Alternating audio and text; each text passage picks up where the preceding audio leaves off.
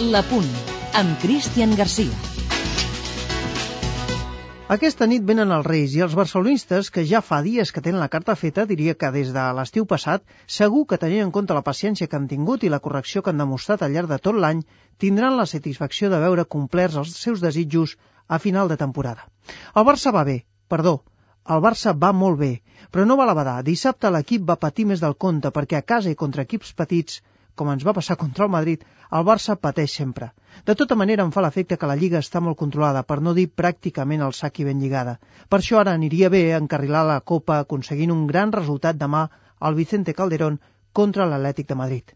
Tot i això, i el que pugui passar demà en aquest partit, he de dir que estic content.